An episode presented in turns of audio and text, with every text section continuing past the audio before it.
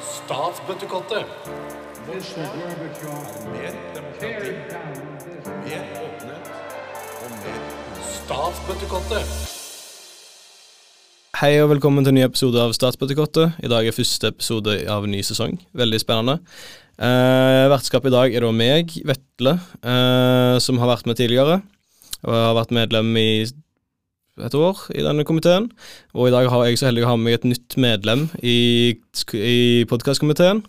Anie, Anie, kanskje du fortell, introdusere deg selv og fortelle litt om deg sjøl? Hei, jeg heter Anie, er uh, ny her i podkastkomiteen.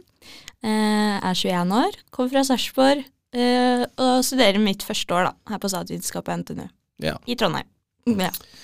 Spennende. Ja, det er ikke så mye mer enn det, altså. Nei. Eh, og temaet i dag er da grunnrenteskatt, som er veldig relevant eh, for tida. Hvis noen følger med på nyhetene, som, så har dere sikkert fått med dere diskusjonen om det. Ja. Eh, så ja, tenker vi kan kjøre podkast, tror du ikke det? Jo, det høres bra ut.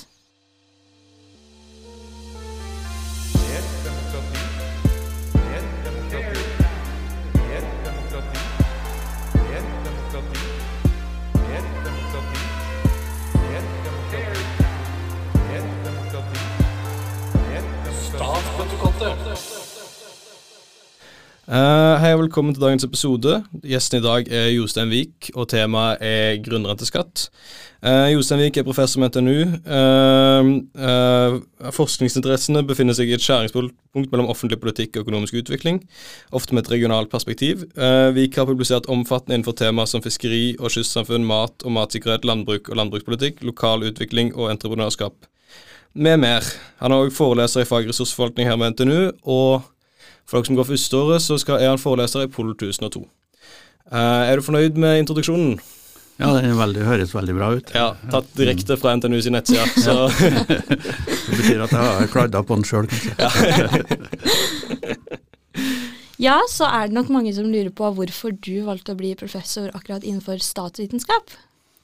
Ja, det er et godt spørsmål. Det er egentlig en veldig lang historie, men eh, jeg hadde overhodet ikke tenkt meg å bli akademiker i utgangspunktet. Så Nei. etter eh, langt tilbake, etter videregående, så tok jeg landbruksutdanning og begynte å jobbe i landbruksforvaltninga og også som småbruker. Så jeg jobba noen år i landbruket først, og så begynte jeg å studere litt på nytt igjen. Og da ble jeg interessert i statsvitenskap. Og ja, tok først en eh, hovedfag i statsvitenskap og, og så en eh, doktorgrad, og så begynte jeg å jobbe på Norsk senter for bygdeforskning, som det het da, som nå heter Ruralis. Og så var jeg der i noen år og litt her, og så begynte jeg da fast eh, på ISS eh, i 2018, vel. Eh, og så, ja, så det er egentlig en sånn, veien har blitt litt til mens jeg gikk. Så, så endte jeg opp her, det var ikke en plan fra starten av. Nei. overraskende mange professorer som svarer det, eh, av de vi har hatt i studio. Eh, vi har også et standardspørsmål som vi pleier å stille alle gjestene som kommer blir med på podkasten. og det spørsmålet er Hvis du skulle tatt med deg én stats, statsleder, død eller levende, eh, på ei øde øy, hvem ville du valgt? Eh, jeg var jo med på en sånn podkast her en gang før, Ja, Eh, og da fikk jeg det spørsmålet. Eh, og da svarte jeg Putin. Uh, fordi at han, eh, han er jo en, uh, visstnok en kløpper i judo, så vi kunne tenkt vi kunne trene, trene litt sammen, og så kunne jeg samtidig holde han bort fra verdenspolitikken. Men, men det ble ikke noe av det, da. Nei, Så han er litt opptatt for tida. Han er litt opptatt, ja. Så da må jeg jo nesten se om jeg kan komme på noen andre, da. Eh, og det kunne jeg godt ha tenkt meg å snakke litt med Stoltenberg Mm. eh, en stund. For jeg opplever at han har vært gjennom en ganske stor endringsprosess da, fra den eh, AUF-eren han var i ungdommen til, til leder for eh, Nato nå. Generalsekretær i Nato, så det kunne vært artig å snakke med han litt om. da. Ja, ja han eh, virker som en spennende karakter, han. Mm. Opplevd veldig mye. Uh, men ja, da tenker jeg vi kanskje kan gå og begynne en gang på hovedtemaet. Ja, temaet i dag er jo grunnrenteskatt, eller grunnrentebeskatning. Eh, temaet er jo veldig viktig, eller relevant nå for øyeblikket pga. det nye statsbudsjettet for 2023 eh, som kom ut nå nettopp. Eh, så da er det jo sikkert mange som lurer på hva grunnrenteskatt er, eh, og hvordan historien om grunnrenteskatt eh, har utvikla seg i Norge. Mm.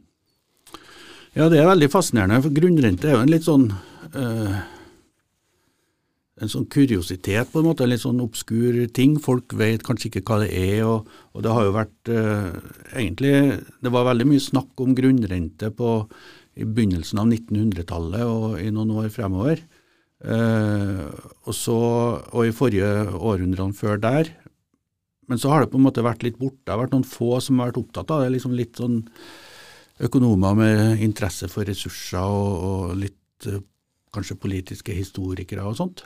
Men eh, det har vært litt sånn borte, og så har det plutselig blitt veldig aktuelt det siste. Så det, det er litt eh, det er litt fascinerende, da, syns jeg. Eh, Men kanskje før vi snakker om grunnrenteskatt, må vi kanskje snakke litt om grunnrente. Hva det egentlig er for noe. Uh, For mange som ikke tenker over hva grunnrente egentlig er, så hvis jeg kan snakke litt om det i starten. Yeah. Ja. Så kan du tenke seg at, eh, at en eh, arbeider som jobber, han eh, må jo få lønn for jobben sin. Og en som setter kapital inn i en virksomhet, han må få litt igjen for kapitalen sin. Og en som da eier en ressurs eller jord eller noe sånt, må få en slags eh, avkastning på den ressursen. Og den, den avkastninga den kaller vi for grunnrente. Sånn at du kan si at arbeideren skal ha lønn, kapitalisten skal ha profitt, og grunn, grunneieren skal ha grunnrente. Så det er liksom tre, De klassiske økonomene snakka om tre innsatsfaktorer som skulle ha hver sin uh, Altså type avkastning. Ja. Eh, så det er litt sånn i, i prinsippet, da. Og så er det litt hvordan finner man egentlig fram til grunn, hvordan man skal beregne grunnrente og sånn. Og den vanlige forståelsen det er at grunnrenten det er det man sitter igjen med hvis du tar alle inntektene og trekker fra kostnadene og en normal avkastning på kapitalen. Da har liksom kapitalen og lønningene og, og alle utgifter og sånn fått sitt. Og det, hvis man sitter igjen med noe da, så er det grunnrente. Ja. Uh, og den er i, i Og det gjelder jo for næringer hvor man bruker ressurser, naturressurser av en eller annen type. ja, det vel, begynte vel kanskje med et type sånn landbruk og den type ting, eller? Ja, Så de klassikerne som snakka om det her i starten, det var jo Adam Smith var en av de første, men fysiokratene, som dere kanskje har hørt om, de var jo også inne på det. De mente jo at, at avkastninga av jord var den, egen, den eneste egentlige sånn kalt, De kalte det net surplus, det eneste overskuddet som egentlig ble skapt. Eh, og de mente at, at skattlegging av, eh, av det her overskuddet i jordbruk var det eneste som skulle skattlegges. Ja, det var Ricardo, var det ikke det som mente det, eller var det Ja, også, ja det, og det, var, det kommer vi til litt senere. Ja. For, for Henry George er en som liksom hadde det standpunktet at grunnrente var det eneste som skulle, skulle skattlegges. da. Men Adam Smith snakka om det, og David Ricardo snakka om, om grunnrente. Og når dem, og, og Marx også, eh, var tidlige som eh, teoretikere som snakka om grunnrente. Og de snakka stort sett om grunnrente i forbindelse med jordbruk. I hvert fall eksemplene deres er veldig ofte fra jordbruk. Sjøl Selv om de er ganske tydelige også på at det gjelder naturressurser generelt. Da. Men eh, jordbruk var liksom typiske eksempler. Men det har jo også med tida. Sant? Da, I den tida og i den delen av verden så hadde man rike jordeiere som høsta en god del av overskuddet. Sånn at det var, det var en spesiell relevans knytta til jordbruk. da. Ja, øh, så nå snakka jeg meg litt bort, egentlig. Uh, ble litt revet med. Grunnrente er liksom så øh, interessant. Så, men de hadde nokså forskjellige øh, beskrivelser og fortolkninger av hva som skapte øh, grunnrente, de forskjellige teoretikerne. Og de, det er ganske morsomt å lese når de diskuterer også. Ricardo eksempel er veldig eksplisitt og diskuterer sin teori opp imot Adam Smith sin teori. Ja, Ricardo er jo sånn, det er jo en av de første mest kjente liberalistene innenfor uh, politisk teori. Ja, både, både Ricardo og Adam Smith er jo Ja, uh, på en måte eh, kategorisert, kategorisert sånn, da. Eh, men, eh, men i hvert fall grunnrente hos Adam Smith da, var at eh, så det egentlig som et resultat av monopol. At eh, når grunn, grunneieren kunne høste grunnrente, så var det fordi at han hadde monopol på den jorda. Det var, sant? Han hadde et eierskap, Ja. og det eierskapet det er en form for monopol. Men også et overskudd, som jeg sa, som man sitter igjen med etter at, at eh, Kapitaleierne har fått sitt, og arbeiderne har fått- sitt. Ja. Uh, og Ricardo han uh, snakka da litt om uh, bl.a. om hvordan, her, hvordan man får grunnrente. Altså hvorfor det blir grunnrente på et stykke uh, av jordbruket, f.eks. Mm. Og det han snakka om, det, det da som heter en sånn differensialrente. Det betyr at eh, hvis du tenker deg to jordstykker mm. som har ulik eh, fruktbarhet, sånn at hvis du setter inn den samme mengden arbeid og kapital på de to jordstykkene, så er det ett som gir mer enn det andre. ja. Uh, uh, og da det, det du får mer på ett stykke enn på et annet stykke, det er det som utgjør grunnrenta. ja, den belønninga som får bare basert på kvaliteten på jorda, på en måte. Ja, det du får ekstra på et godt stykke i forhold til et, eh, det dårligste stykket. Ja. Fordi at det, vil gjerne være sånn at man tar i bruk de beste stykkene først, og så begynner man å dyrke jord som er av dårligere kvalitet, og der vil man få litt mindre. Men det er det som bestemmer pris, det, det det pris, prisen på det, på en måte melka som du produserer, den vil være den samme. Ja. Mens på den beste jorda så vil man få litt mer eh, lønnsomhet enn på den dårligste jorda, fordi den er mer produktiv. Og det er da grunnrenta. Den merprisen man klarer å få. Og det, på det dårligste vil man ikke ha noe grunnrente. Nei. Så det, det er det som, derfor det heter differensialrente. Eh, og så kanskje det kan være også litt uh, interessant å se på Marx i den sammenhengen. da. Ja, for det er jo en veldig annerledes ideologi eh, i forhold til de to andre, i hvert fall. En annerledes ideologi, helt klart, men de er, de er ganske på linje når det gjelder forståelsen av hva grunnrente er, og hvordan uh, den Fungerer. fungerer. Så Marx var helt eksplisitt på at han følger Ricardo sin forståelse av grunnrente ganske langt på vei. Eh, og også Smith sin. altså her er et resultat av monopol av eierskapet til jorda, men også den eh, variasjonen i produktivitet. da. Ja.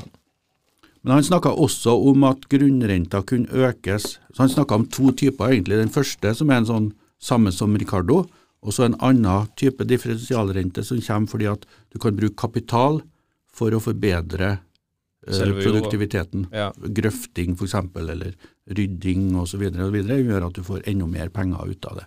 Sånn at du har en sånn flere typer. da. Så Det er noen av klassikerne, men kanskje den viktigste når det gjelder grunnrente, i hvert fall i norsk sammenheng, det er han som het Henry George, som ikke er så veldig kjent uh, i dag som politisk økonomi, men han uh, har blitt veldig viktig for grunnrente, fordi at han han eh, grunnla egentlig en bevegelse som het eh, georgianismen, som også var viktig for mange venstrefolk i Norge på, eh, tidlig på 1900-tallet. Eh, Sånn at hans ideer om grunnrente ble ganske viktig. Og Det som han poengterte veldig tydelig, var at grunnrente er en ufortjent, et ufortjent overskudd. Det er noe av den som da sitter igjen med grunnrente, sitter igjen med det ikke pga. sitt eget arbeid. Nei, det er mer flaks, på en måte. Ting som en ikke har innenfor sin kontroll. Ja, så ikke, eh, ikke, det kan være fordi at det ligger på et bestemt sted, eller det kan være for teknologisk utvikling, sånn som det var med eh, eh, vannkrafta f.eks. Så de som da satt på elvefallrettighetene, eller elvene Ja. og sånn, de fikk jo ikke plutselig stor verdi fordi at de har gjort noe spesielt med dem, men fordi at vi har funnet opp elektrisk kraft. Dermed fikk den her De fikk belønning for andres arbeid. fikk belønning for andres arbeid, teknologisk utvikling og sånne ting. Mm. Eller det kunne også være fordi en eh, jernbane blir lagt i en bestemt trasé, så plutselig så eier du jorda ved siden av, så får den veldig stor eh, verdi, eller Ja. byutvikling og sånne ting. Så han var opptatt, eh, ganske mye opptatt av eh, grunnrente på, på jord som ble brukt til utbyggingsformål, f.eks. Uh, men han mente altså da at, eh, at grunnrenta var en ufortjent eh, gevinst, Og så mente han at, eh, at det var den eneste formen for skattlegging man skulle ha. Arbeid skulle ikke skattlegges, for det var på en måte ditt Fortjent. eget Det hadde du fortjent. Mm. Lønn for arbeidet ditt, og likedan for kapitalen. Ja, for kapital, det er jo, da legger du en risiko. Ja, da legger du det. Så det har du på en måte, hvis du har kapital og velger å bruke den der, så har du på en måte Det er ditt, da. Ja. Så, så det er litt av, av grunnlaget for, eh, for eh, grunnrente og gru, diskusjonen om grunnrentebeskatning. Altså at det er det er dels et, eh, et resultat av en slags regulering. at noen får et monopol på noe. Mm.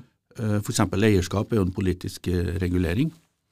Og dels så er, så er det en, et resultat av eh, teknologisk utvikling og noe som du ikke egentlig har gjort sjøl. Sånn at det er et grunnlag for å, for å beskatte det her, fordi det enten er ufortjent, eller fordi at det, du får det pga. en slags regulering. Ja. Eller, som vi da kanskje gjerne ofte ser på det sånn som i, i Norge nå, når vi snakker om, eh, om olje, gass eh, og grunnrenteskatt der, og også på lokaliseringa av, eh, av oppdrettsnæringa. Mm. For da er det noen som får grunnrente på noe som er fellesskapet sine ressurser. ja. Ikke sånn som når de klassikerne snakka om jord og jordbrukseiendom, da var det privat eierskap. Men når det er grunnrente av fellesskapets interesser, så er det en politisk regulering som gjør at de får lov til å høste den grunnrenta. Og da er tanken da at da er det rimelig også at de skulle få noe igjen for det. Ja, vi, har jo en vi har jo en tradisjon i Norge om at det, altså, det norske jord og, altså, Det er jo folk som eier den norske jorda, men i prinsippet så er det allemanns eie. Og det er vel det som fører til at det blir naturlig for Norge å legge en eh, grunnrenteskatt på naturressurser, da. Ja, Jorda er jo ikke allemannseie, så eierskapet til ressursene varierer ganske mye. Ja. Men, men det som Men- men f.eks. oppdrettsnæringa, Ja. der er jo lokaliseringa altså Den er jo i fjorden, og den er på en måte ingen som Eier. eier. Eller olje og gass, som da tilhører fellesskapet, Ja. staten. Og vannressurser òg, for så vidt, som òg ingen Ja, der, har, der er litt sånn eh, Det er kanskje litt sånn eh, Elven tilhører jo gjerne noen uh, noen personer, men fallrettighetene kan være uh, kan være kommunal eller, eller sånn. Ja. Uh, ja, så, så grunnrente er da liksom noe som kan eh, skattlegges og beregnes og sånn. Så, så det har, eh, i norsk sammenheng så har det vært veldig viktig i forbindelse med øh, vannkrafta. Mm. Og så har det vært viktig i forbindelse med olje og gass. Og så har det kom det opp en diskusjon i forbindelse med Det har, det har jo vært diskutert i fiskeri tidligere, og i forbindelse med jordbruk. Og det har egentlig Ottar Broch skrev en god del om det på 80-90-tallet, om eh, grunnrente i jordbruk og fiskeri. I jordbruket så er vi jo i den situasjonen at grunnrenta kanskje er Negativ. negativ. Mm. Uh, sånn at uh, man har ikke noe ekstra igjen fra eierskapet sitt på jord. Fiskeri, så det er vel kanskje begynt å bli positiv nå, uh, men den var også der negativ i mange år. Men så er den veldig stor, da, betydelig i oppdrettsnæringa, Ja. som også da bruker ressurser som da som de har fått et monopol på å bruke gjennom konsesjonene til å produsere laks. Så Derfor så har det kommet opp en, en eh, diskusjon da, om etter hvert som overskuddene har blitt så massive som de har vært de, de senere årene, så er det også kommet opp en diskusjon om ikke fellesskapet bør få noe mer igjen av det her, Mm. sånn at ikke de her store eierne skal sitte igjen med hele dette overskuddet. Da. Som da kan man argumentere for er et ufortjent overskudd. Ja. ja, for det er jo Det, det er jo i alle fall så En uttaler jo at Norge har noen av de beste vilkårene for å produsere laks i oppdrett. Mm. Og det er jo ikke noe som de som kommer inn med kapital, eller de som arbeider, gjør noe med. Det er bare en naturlig, naturlig del av det å ha det i Norge. Ja, det er en naturlig del, så de har, en, eh, de har et, et grunnlag for en stor grunnrente fordi det, vi er, har naturlige forutsetninger. Og i tillegg så har de fått et monopol gjennom konsesjonsordningene som gjør at prisen blir høyere enn den ville ha vært Ja. hvis, hvis man kunne ha tenkt seg at alle kunne ha produsert laks der, Ja. de, der de ville. Det ville selvfølgelig vært veldig uheldig miljømessig osv. hvis alle kunne ha gjort det, Mm. men prisen ville også vært en helt annen. Ja, så derfor er det, er derfor en gir ut lisenser og den type ting, for å, Ja. da får en et monopol på det. Ja. Ja, Mm. Og det bidrar til en enda høyere, pris. eh, høyere eh, pris, da. Mm. Og høyere grunnrente. Så, så, det, så det er noen sånn, noe politiske spørsmål her. Altså for, for det første er det noen spørsmål om hva er grunnrenta, og så er det spørsmål om hva som er rettferdig, altså normativt sett, eh, grunnlaget for å beskatte det osv. Og så er det spørsmål om det som vi også ser i, i forbindelse med debatten om, om grunnrente på på vannkraft, nei, på oppdrett nå, er jo at eh, det er også et, spørs, et instrumentelt spørsmål. Er det en god måte å skattlegge dem på? Ja.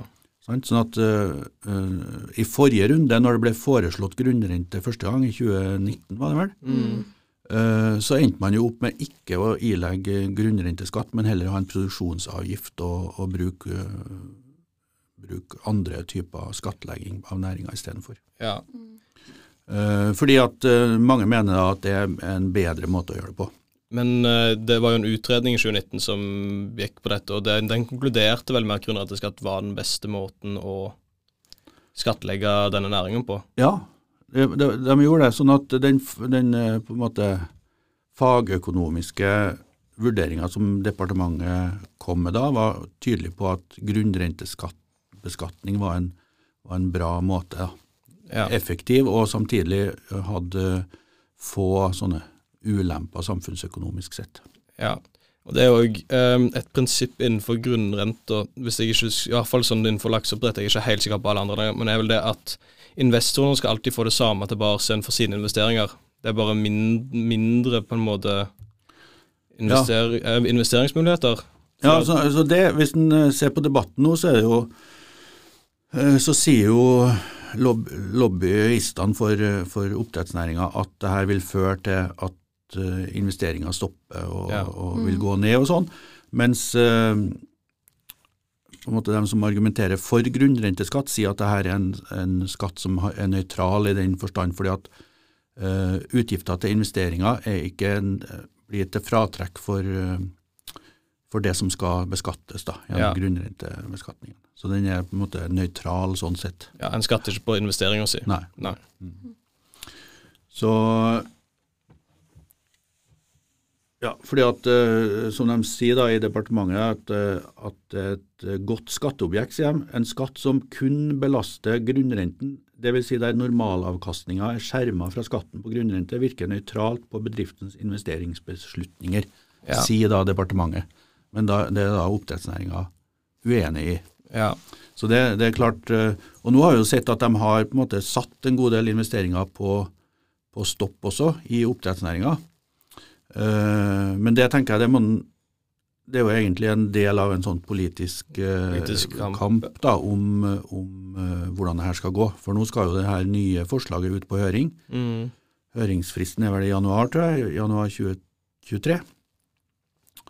Og så skal det tas tas en beslutning om det her innføres eller ikke. Så det er jo et, ennå et åpent spørsmål både om det blir øh, grunnrenteskatt i oppdrettsnæringa, og hvordan den blir utforma, tenker jeg da. Ja. Um, altså, Norge har jo en så lang historie med å ha grunnrenteskatt på naturressurser. Uh, er det noen spesiell grunn til at det ikke er før nå at en innfører det på lakseoppdretten? Ja, det er et, ja, det er et godt spørsmål. Øh, det er jo mange, næring, mange, naturressurs, øh, mange naturressurser som ikke har grunnrenteskatt. Eh, Så jeg tror at når vi nå har fått diskusjonen i oppdrettsnæringa, så er det hovedsak fordi, fordi eh, man ser at det genererer så enorme verdier. Ja. Sånn at det er, et- det er på en måte et slags sånn Det har eh, spredd seg en idé om at det er rimelig at fellesskapet får noe tilbake for, For, for, eh, ja. for, for denne ressursen. Da. Sånn at det er jo gjerne en sånn, et behov eller en, en eller annen situasjon som skaper sånt, eh, en sånn situasjon. Vi ser Det nye forslaget fra, fra regjeringa innebar jo også at eh, man skal ha grunnrentebeskatning i, på vindkraft. ja. Uh, og der er jo situasjonen en helt annen. og Der er det jo uh, sånn som kraftsituasjonen er nå, så vil det sannsynligvis generere en god del eh, grunnrente med de prisene som en har. Mm. Men det er ikke opplagt sånn at der, eh, hvor stor den vil være. Men, men, eh, men der er jo situasjonen den at gjennom en grunnrentebeskatning så vil man kanskje kunne skape en større lokal oppslutning og aksept for vindkraft, fordi lokalsamfunnet får for mer mer, tilbake. Mm. Uh, sånn at der, er, der ser vi at diskusjonen er på en måte en helt annen også. Ja. Ja. Eh, sånn at, for der, der tror jeg også kanskje en del av, eh, av, eh, av dem som driver i den næringa, er opptatt av at de må gjøre noen grep for å skape større lokal aksept for investeringene. Hvis ikke så stopper vindkraftutbygginga ja, for. Vindkraft skaper ikke så mye lokale arbeidsplasser som f.eks. fiskerinæringa gjør. Nei. Det, og det er vel en del av den diskusjonen Ja, når det kommer til den type ressursforvaltning. Ja. Sånn at Der har vi sett en situasjon at, eh, at eh, overskuddet går til noen st eh, store kraftprodusenter, Mm. mens lokalsamfunnet har alle utgiftene. og det blir en sånn, Da er det lite oppslutning. Ja, det blir Så en da skjev kan- fordeling. Ja, da blir det en skjevfordeling der. sånn at det kan da en grunnrentebeskatning være med på å hjelpe på. da. Ja. Ja, for det er veldig mange som har vært imot f.eks. vindmøller. da. Ja. Så det med grunnrenteskatt kan jo på en måte være en løsning sånn at det blir mer godtatt. Ja, nettopp. Sånn at at de får da, de det. får noe igjen Ja. for det. Mm. Ikke sant? Eh, Og ikke bare grunneieren, for nå er jo det det eneste som blir igjen lokalt, er litt, utbygging, litt arbeidsplasser under utbygging, og sånn, så er Mm. de som da leier ut plass, selve plassen til vindmøller, men lokalsamfunnet som sådan får Ja. veldig lite. da. Mm. Så det kan man, kan man endre litt gjennom å ha en grunnrenteskatt, sånn Mm. tilsvarende man har i vannkraftutbygging. Ja. Mm. Og det var jo også litt av, eh, litt av eh, Ikke akkurat i den sammenhengen der, men, men eh, poenget hos eh, Henry George var jo også at eh, hvis du skattlegger ressursene, så kan på en måte folk eh, da, da bruk av, den, bruk av dem som blir, blir belasta, og man kan ha mindre skattlegging av andre eh, skatteobjekter som arbeid og kapital og sånn. Ja. Og der, men, men han var jo da, vi skal komme litt inn på det, litt, litt bort ifra, ifra oppdrett igjen, og se på utbygging rundt de store byene f.eks., så hvor vi ser at når jordbruksareal blir omdisponert fra, Jordbruk til by. fra jordbruk til, til utbygging, så får de jo en enormt mye større verdi. Ja. Og skaper en da en eh, kjempestor eh, grunnrente for dem som da er jordeiere i de situasjonene. Ja. Og Det er jo også et sånt eksempel på at det er, det er den offentlige reguleringa som skaper den grunnrenten. Mm. ja. Eh, og, og, og som også da skaper noen ulemper for, i, det, i de tilfellene der, jordbruket. Sant? Fordi at grunnrenten er så mye større i, i bynære områder på, for utbyggingsjord enn for jordbruksjord, så blir også en interesse blant dem som da eier den jorda, å bruke den til utbygging heller enn Istedenfor jordbruk. Ja. For jordbruk. Ja. Så det, som, som er en, en utfordring, selvfølgelig. ja. Og det er jo, da ble jo veldig, det ble jo veldig mange Altså Politikerne ble veldig involvert i hva verdien av grunnrenta blir, da. Ja. Sånn sett. Mm, Fordi at politikerne bestemmer hvor, til en viss grad hvor en skal bygge ut store byer og Ja. den type ting. Mm. Og så er det jo sånn at eh, når det gjelder policy knytta til, til naturressurser, så er det jo også eh, veldig store insentiver for lobbyvirksomhet. Ja. Og det ser vi jo veldig godt uh, i, i forbindelse med det her oppdrettsbeskatninga. At Ja. når, eh, her er det klart at de har en, de har en verdi da som er lost til, til oppdrettsnæringa, og veldig avhengig av hvordan, uh, hvordan det går med oppdrettsnæringa og inntjeninga der. sånn at, Mm. at uh, der er store insentiver for å lobbyere for å endre på det forslaget. ja. Eh, Så det er typisk for naturressursnæringa at insentivene for lobbyvirksomhet er veldig høye. Ja. Så Ja. det tror jeg vi vil se veldig mye av i de månedene som kommer nå, fram til hørings, eh, eller fram til det kommer en beslutning. Så tror jeg vi vil se veldig sånn sterk lobbyvirksomhet fra oppdrettsnæringa på det feltet her. Har vel begynt litt allerede, for så Ja, det begynte jo umiddelbart. Ja. Reaksjonene var jo, var jo veldig kraftig. Det ble jo snakka om at de slukker lysene langs kysten, og det er litt sånn kroken på døra for næringa osv. Så, videre, og så, Ja. det er jo litt uh... Det er jo et spørsmål med, med lakseoppdrett som jeg er litt usikker på. For jeg vet at innenfor vannkraft så er det etter så og så mange år så eier ikke de som bygde ut vannkraftsanlegg og vannkrafta lenger. mm, Da er det statlig eid. mm. Hvordan er de reguleringene på oppdrett? Nei, det, det er en, eh, eh, for- For i vannkraft så har vi det hjemfallsretten som Ja. du refererer til. sånn at, eh, at de bygger ut et kraftverk, og så faller det tilbake til staten. Eh, Oppdrettsanlegg, altså konsesjonene er vel og Det er jeg faktisk usikker på om de er tidsavgrensa, eller hvor lang tid de gjelder for. Lisensene til å produsere. Det vet jeg ikke. For når jeg leste, jeg leste litt gjennom det der høringsbrevet, og da sa de at de, de trenger ikke bekymre seg for det at folk drar eller ikke investerer kapital i anleggene lenger, for at anleggene blir, så du, trenger, så du får alltid en ny kapital. Mm. Så hvis noen trekker ut sin kapital, så kan du få en ny. Ja. Men i hvert fall hvis det er gjenfallsrett, så gir det veldig mye mening, men Mm. Ja, og det, og det- er jo en, en sånn var jo et argument også for, for grunnrenteskatten at uh, altså den uh, bruken av naturressursen den er lokal og vil forbli lokal, mm, eh, og, og kan dermed skattes uavhengig av hvem som eier den. ja. Mens eh, det som det ble henvist til her, altså hvis du, hvis du skal kartlegge, skattlegge kapitalen, så kan du på en måte eh, set, sette opp bedriften din og sånn at kapitalen ender opp i et annet land. altså Du kan flagge ut, men du kan ikke flagge ut selve produksjonen. Eh, Så Sånn sett så er det et eh, godt skatteobjekt. sånn Ja, hvis du, hvis du skattlegger kapitalen, så kan du òg miste insentiver til å, til å investere. Mens hvis en skattlegger grunnrenteskatt, så vil jo insentivene være de samme. Ja, i teorien i hvert fall. Ja. Mm. Får vi se hvordan det funker i praksis. Det Ja, kan jo bli ja. spennende. Ja. Eh, det nye statsbudsjettet foreslår også noe som heter bunnfradrag. Eh, hva er det for noe, og hvorfor blir det brukt i ressursforvaltningen? Så Når de snakker om bunnfradrag her, så, øh, så tror jeg det handler om at, at man skal sørge for at det er de største produsentene, de som, som, har en veldig stor, som høster en veldig stor grunnrente, som skal, som skal beskattes. Sånn at de minste øh, oppdrettsfirmaene ikke får grunnrente. Nei. Eh, Så jeg tror det er det det går på. Så de blir på en måte skjerma. Ja, de, så de blir små skjermet. selskapene. De små selskapene blir skjerma.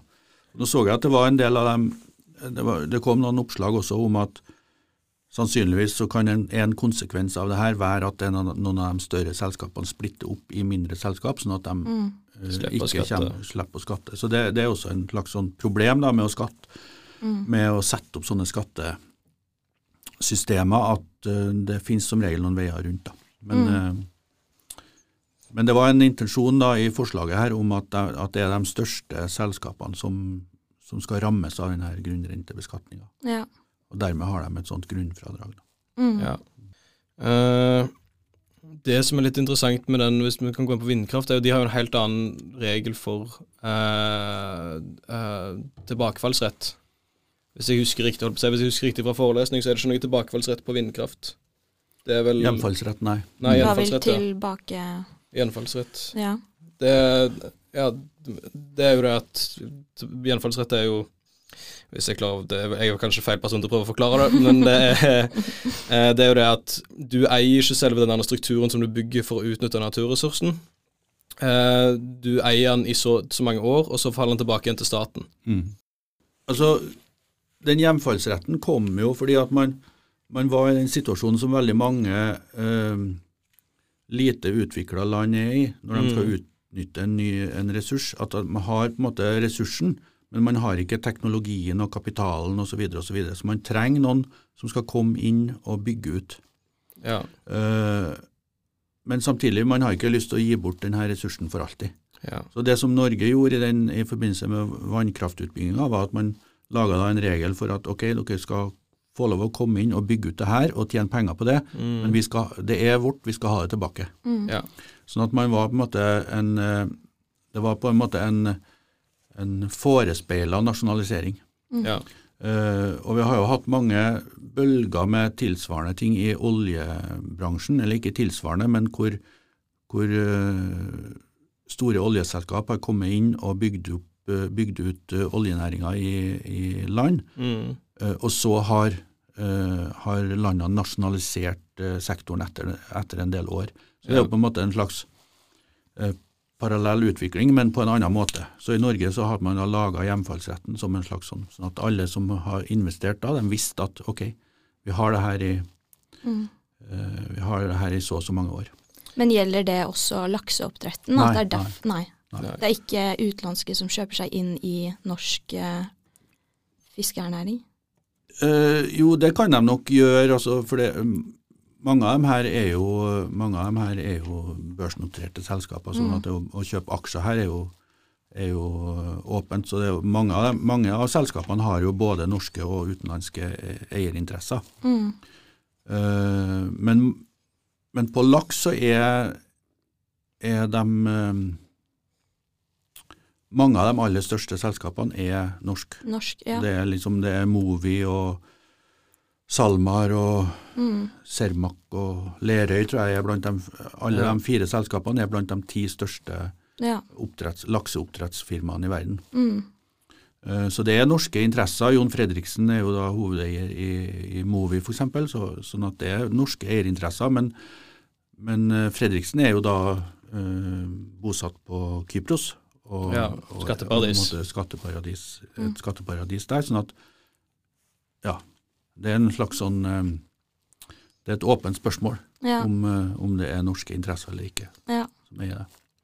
Så noe sånn tradisjonelt sett, eh, har grunnrente vært en måte å, for Norge å unngå ressursforbannelsen på? Jeg kan jo forklare kanskje kjapt hva det er, ressursforbannelsen.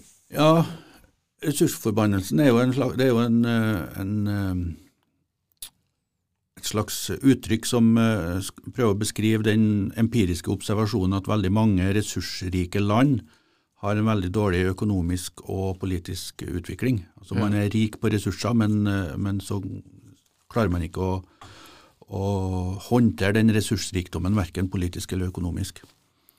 Eh, og Spørsmålet ditt var om grunnrentebeskatning. Renta er en måte å liksom Mm. unngå at en ender i den situasjonen på. For jeg husker vi var på tur i Tanzania, og det var alle folk og sa nei, Tanzania er et kjemperikt land, men med et veldig fattig folk. Ja, mm. Og det grunnrente er kanskje en måte å unngå at en ender i en sånn situasjon på. Ja fordi at eh, det er et, eh, egentlig en veldig eh, interessant observasjon. fordi at grunnrenta er jo noe som du har når du, når du har altså Mange av de afrikanske landene har jo mye naturressurser, og er Ja. rik på naturressurser, og det er, det er mye grunnrente. Men de har ikke grunnrentebeskatning. Nei. Sånn at, at det er jo da å få hånd om de naturressursene som gir veldig stor grunnrente, altså veldig stor sånn superprofitt eller ekstra av, ufortjent ekstra avkastning, det er liksom en kilde til, til enorm velstand Ja. og politisk kontroll. Sånn at det å, å få nasjonal kontroll over de her ressursene på en eller annen måte, enten i form av eierskap eller i form av en sånn velregulert uh, skattlegging av overskuddet, Ja. det tror jeg nok ville ha vært en, en god idé for veldig mange av de her landene. ja, for å unngå ressursforbannelse. Ja, så, men ressursforbannelsen er jo, en, en slag, altså det er jo et empirisk fenomen, men det er jo også et uh, akademisk begrep, så jeg tror ikke ressursforbannelsen som sådan var et tema når de etablerte uh, Det er vel et nyere, det er vel et nyere begrep Ja, et nyere begrep. Ja.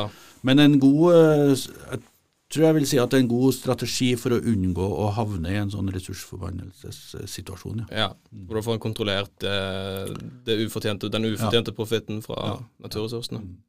Så jeg, jeg er jo sånn, Hvis man skal være normativ, så er jeg, jeg mener jo at det er veldig rimelig å ha en, en grunnrentebeskatning Ja. av, eh, av naturressurser, uh, som i all hovedsak er, er på en måte fellesskapets eie, da, Mhm. til, til syvende og sist. Det var, grunnen er en veldig sånn fascinerende og interessant et fascinerende og interessant konsept, da ja. som, som er både sånn øh, Det har noen sånn øh, viktige spørsmål om hva det egentlig er, og hva som konstituerer det, og sånt, og så er det øh, viktige normative og ideologiske spørsmål rundt det. ja. Uh, og så er det også da eh, masse sånn instrumentelle spørsmål om hvordan det virker, og hva som er effekten av den type skattlegging i forhold til andre. Så det, så det er et veldig fascinerende fenomen. eh, som da, så det er litt artig at det har blitt såpass eh, viktig igjen i norsk offentlig samtale. Mm. Eh, For det har på en måte det har ligget dødt Det var viktig kanskje på 70-tallet når eh, oljenæringa skulle settes opp, og så var det viktig på 80-90-tallet. Da diskuterte bl.a. Ottar Brox ganske mye om grunnrente i fiskeri og jordbruk og sånn. Mhm. Og så har det ligget dødt igjen, og så har det plutselig dukka opp igjen nå. Så nå er det mange som, som, som igjen jobber med grunnrente, både politisk og, og akademisk. Så det er, sånn, det er et fenomen som har, som har ligget og vaka i flere i lang Ja. tid, da, som nå er litt aktuelt igjen. Så det er spennende. Ja. Jordbruk har jo negativ, kan jo til tider ha negativ grunnrente. Ja, så i, ja, så i jordbruket, så er, som er da liksom den klassiske utgangspunktet for diskusjonen om, om grunnrente, så er jo Norge i den situasjonen at vi Uh, altså Ottar Brox han øh, sa at uh, subsidiene i jordbruket er et mål på kan ses som et mål på hvor stor negativ grunnrente vi har i, Ja. i jordbruket. Sånn at det, Hvis det er tilfellet, så har vi en, en negativ grunnrente i jordbruket på en, på en 13-14 milliarder kroner årlig. Det er jo en del.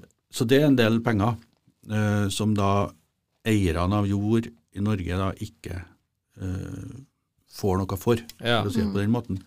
Andre mener at du, kanskje kan du se jordleieprisen i, som et mål på grunnrenta, fordi at nå er jo rundt halvparten av jordbruksarealet som drives i Norge, er leid. Altså det, det er, leies ut til naboer, dem som ikke driver, leier ut til Ja. dem som driver og sånn. Og det er jo en pris på sånn jordleie, og det kan jo også ses som et mål på, på grunnrenta. Eh, Så det er litt fascinerende at jordbruket har såpass lav grunnrente i Norge. Norge er vel ikke kjent for den beste stedet å drive landbruk heller, for så vidt. eh, Nei, og jeg tror det, akkurat det tror jeg er kanskje hovedforklaringa her. Så hvis du ser det her i et internasjonalt perspektiv og tar utgangspunkt i altså Ricardo sin forståelse her, da, at det først, altså man starter først med det beste jordbruksarealet, og det er jo kanskje i Sånn som det er nå i dag, så er det i Sentral-Europa og ja, Ukraina og Russland Ja. og de områdene som faktisk har veldig mye god jordbruksjord. Og det som vi har i Norge, det er liksom skrint og oppdelt og, og lite fruktbar jord. Ja. Sånn at der er det i, i Sentral-Europa og sånn, så er det grunnlag for å ta ut en betydelig Grunnrente. eh, grunnrente, men vi er på en måte den, har den dårligste Mm. jorda, sånn at vi har den, også den laveste, og kanskje da også ingen grunnrente på jord. Ja, Vi har vel også policyer for å prøve å kontrollere det. for at for eksempel Hvis en hadde drevet mer kyr på eh, Østlandet, som har bedre jord, da ville en vel kanskje fått en positiv grunnrente på den type drift, men vi velger å fokusere på å ha det på Vestlandet, sånn at alle skal få kunne produsert mest mulig jord.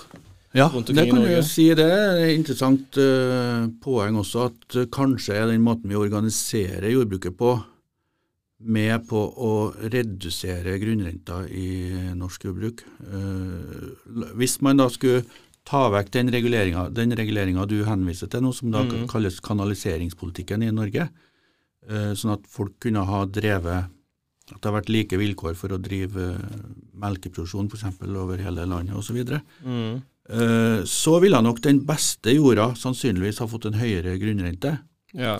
mens den dårligste jorda ville ha gått ut av drift ja. og fått ingen grunnrente. Så man kunne nok ha oppnådd det, men med en viss kostnad. Ja. Kunne også, og Hvis en kan regne ut grunnrente på jordbruk, kunne det vært en mer naturlig måte å subsidiere jordbruk på? Med at en, at en har en policy på at en, en rett og slett bare At Norge liksom har grunnrente med at de betaler ned grunnrenter som er negativ, istedenfor å liksom forhandle fram forslag hvert år, så er det bare Norge betaler ned en negativ grunnrente på landbruket. Mhm. Ja, det er jo en, på en måte en slags sånn mm, måte å hvordan, hvordan snakker vi om overføringene til jordbruket på? Ja. Uh, vi snakker jo om det som overføringer til jordbruket. Kanskje burde man ha snakka om det som, som staten sin måte å betale, for, betale grunnrente til bøndene på. ja. Eh, så det kan jo hende at det Men det er ikke så lett å styre da, hvordan man, man snakker om det. Nei. Men, eh, men det er en interessant tanke, da. Mm. Det, men da sier vi tusen takk for at du kunne komme. Da, det var en veldig interessant diskusjon. Det var det. Tusen takk for at du kunne komme i podkasten i dag. Ja, tusen takk for at jeg fikk komme. Det er jo artig å kunne få lov å snakke om uh, sine mer eller mindre sære interesser på podkast. Ja, det er kjekt for å håpe at folk eh, får mye ut av det. Det tror jeg de kommer til å gjøre. Jeg fikk i hvert fall mye ut av det. Ja, Kjempefint. Takk skal dere ha. takk.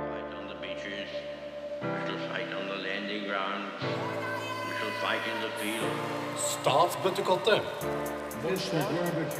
Mer demokrati, mer åpenhet og mer Statsbøttekottet. Ja, Det var jo en veldig spennende episode. Føler jeg fikk lært veldig mye om grunnrenteskatt. Ja, det Eh, det. Hva syns du var mest eh, spennende? Sonje? Eh, altså, jeg har ikke, har ikke kunnet så mye om grunnrenteskatt før nå, så jeg følte at jeg fikk en ganske god innføring i det. Ja, Basic informasjon, og ja, greit å kunne. følte jeg lærte mye. Ja. ja, men det er bra. Det er jo Ja. det vi er her for. Ja, det er nettopp det. Eh, så ja, og så tenker jeg vi kan kjøre på med det vanlige og anbefale folk å lytte, høre eller se på et eller annet, eller lese, kan lese òg, innen neste podkast, siden det blir en liten pause neste gang vi dukker opp på, podka- dukker opp på mobilen vår. Anja, har du noe du vil anbefale? Mm, jeg føler litt press på å si noe bra, men eh, jeg eh, har jo hørt ganske mye på en podkast som heter Forklart av Aftenposten. Ja. Tror det er de som har den. mhm. Eh, den syns jeg er veldig bra på å forklare ja, f.eks. grunnrenteskatt og det nye statsbudsjettet. Så um, det er egentlig min anbefaling, altså. For Ja. å få litt eh, mer informasjon. Men høre på denne podkastepisoden først, og så Høre på ja, motstanderens. På, Ikke like bra som den her, Nei. men uh, litt. hør på vår Ja. for å skjønne bedre hva de sier på Forklart, Ja. tenker jeg. Det tenker jeg òg. Ja, jeg tror jeg vil uh, anbefale Jeg har sett på Jeffrey Dahmer-serien i det siste. Jeg vil Ja. anbefale den, men uh, Det er Eh, grafiske detaljer der. ja, hvis dere, hvis dere vil sove, ikke se det på kvelden. Hvis dere har lyst til å ha en god natts søvn, ikke se det, men det er veldig bra. Ja. Og litt vondt å se på til tider. Ja. Uh, men det kan, det kan anbefales. Så ja, det var alt for oss i dag. Uh, så takk for oss. Takk for oss.